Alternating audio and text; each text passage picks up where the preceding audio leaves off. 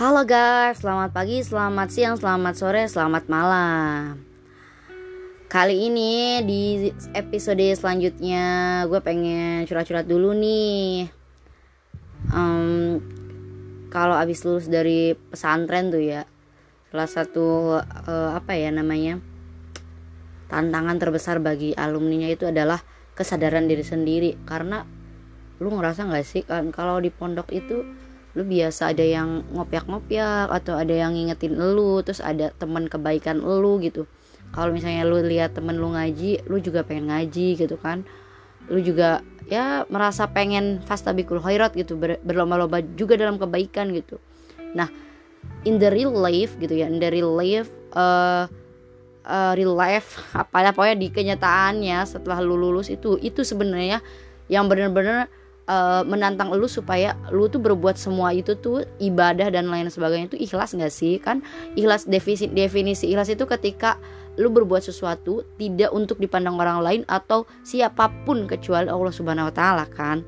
Nah di situ lu ter, lu kayak lu biasa di pondok sholat sunnah ba'diyah sholat sunnah qobliyah tahajud dan lain-lain. Itu kan karena memang lu lu juga kadang ngajakin orang temen itu gitu ya ada semangat gitu. Pak Nah, ketika lu ada di di rumah gitu, lu ya terserah lu gitu. Misal orang tua juga tahu kan, maksudnya um, sering ngingetin kita juga, cuman nggak se ini di pondok gitu ya.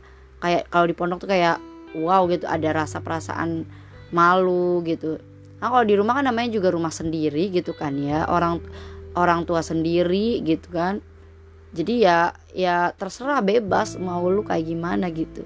Nah di situlah kesadaran diri sendiri dari kita pribadi. Apakah kita mau kayak gini-gini aja? Mau ini ini sebenarnya uh, utsikum wa iya ya.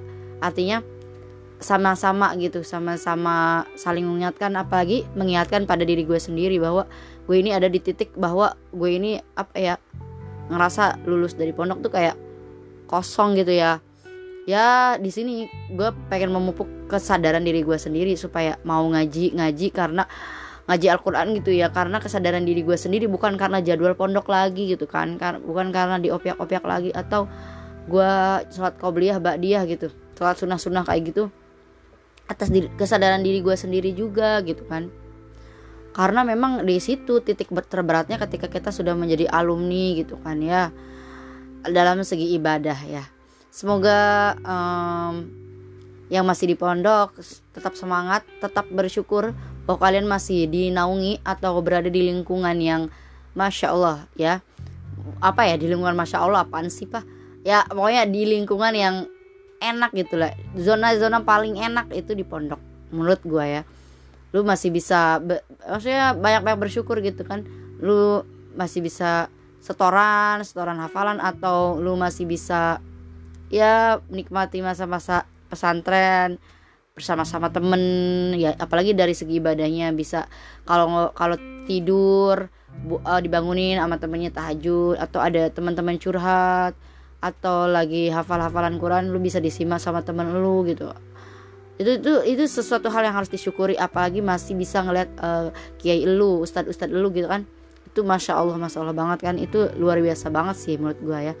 Jadi teman-teman um, so ya. Yeah, mari kita bersyukur dan semoga gue juga uh, makin rajin ya. Dan kesadaran diri gue sendiri setelah lulus pondok harus semakin tinggi ya karena semakin tua harusnya semakin mikir gitu kan ya.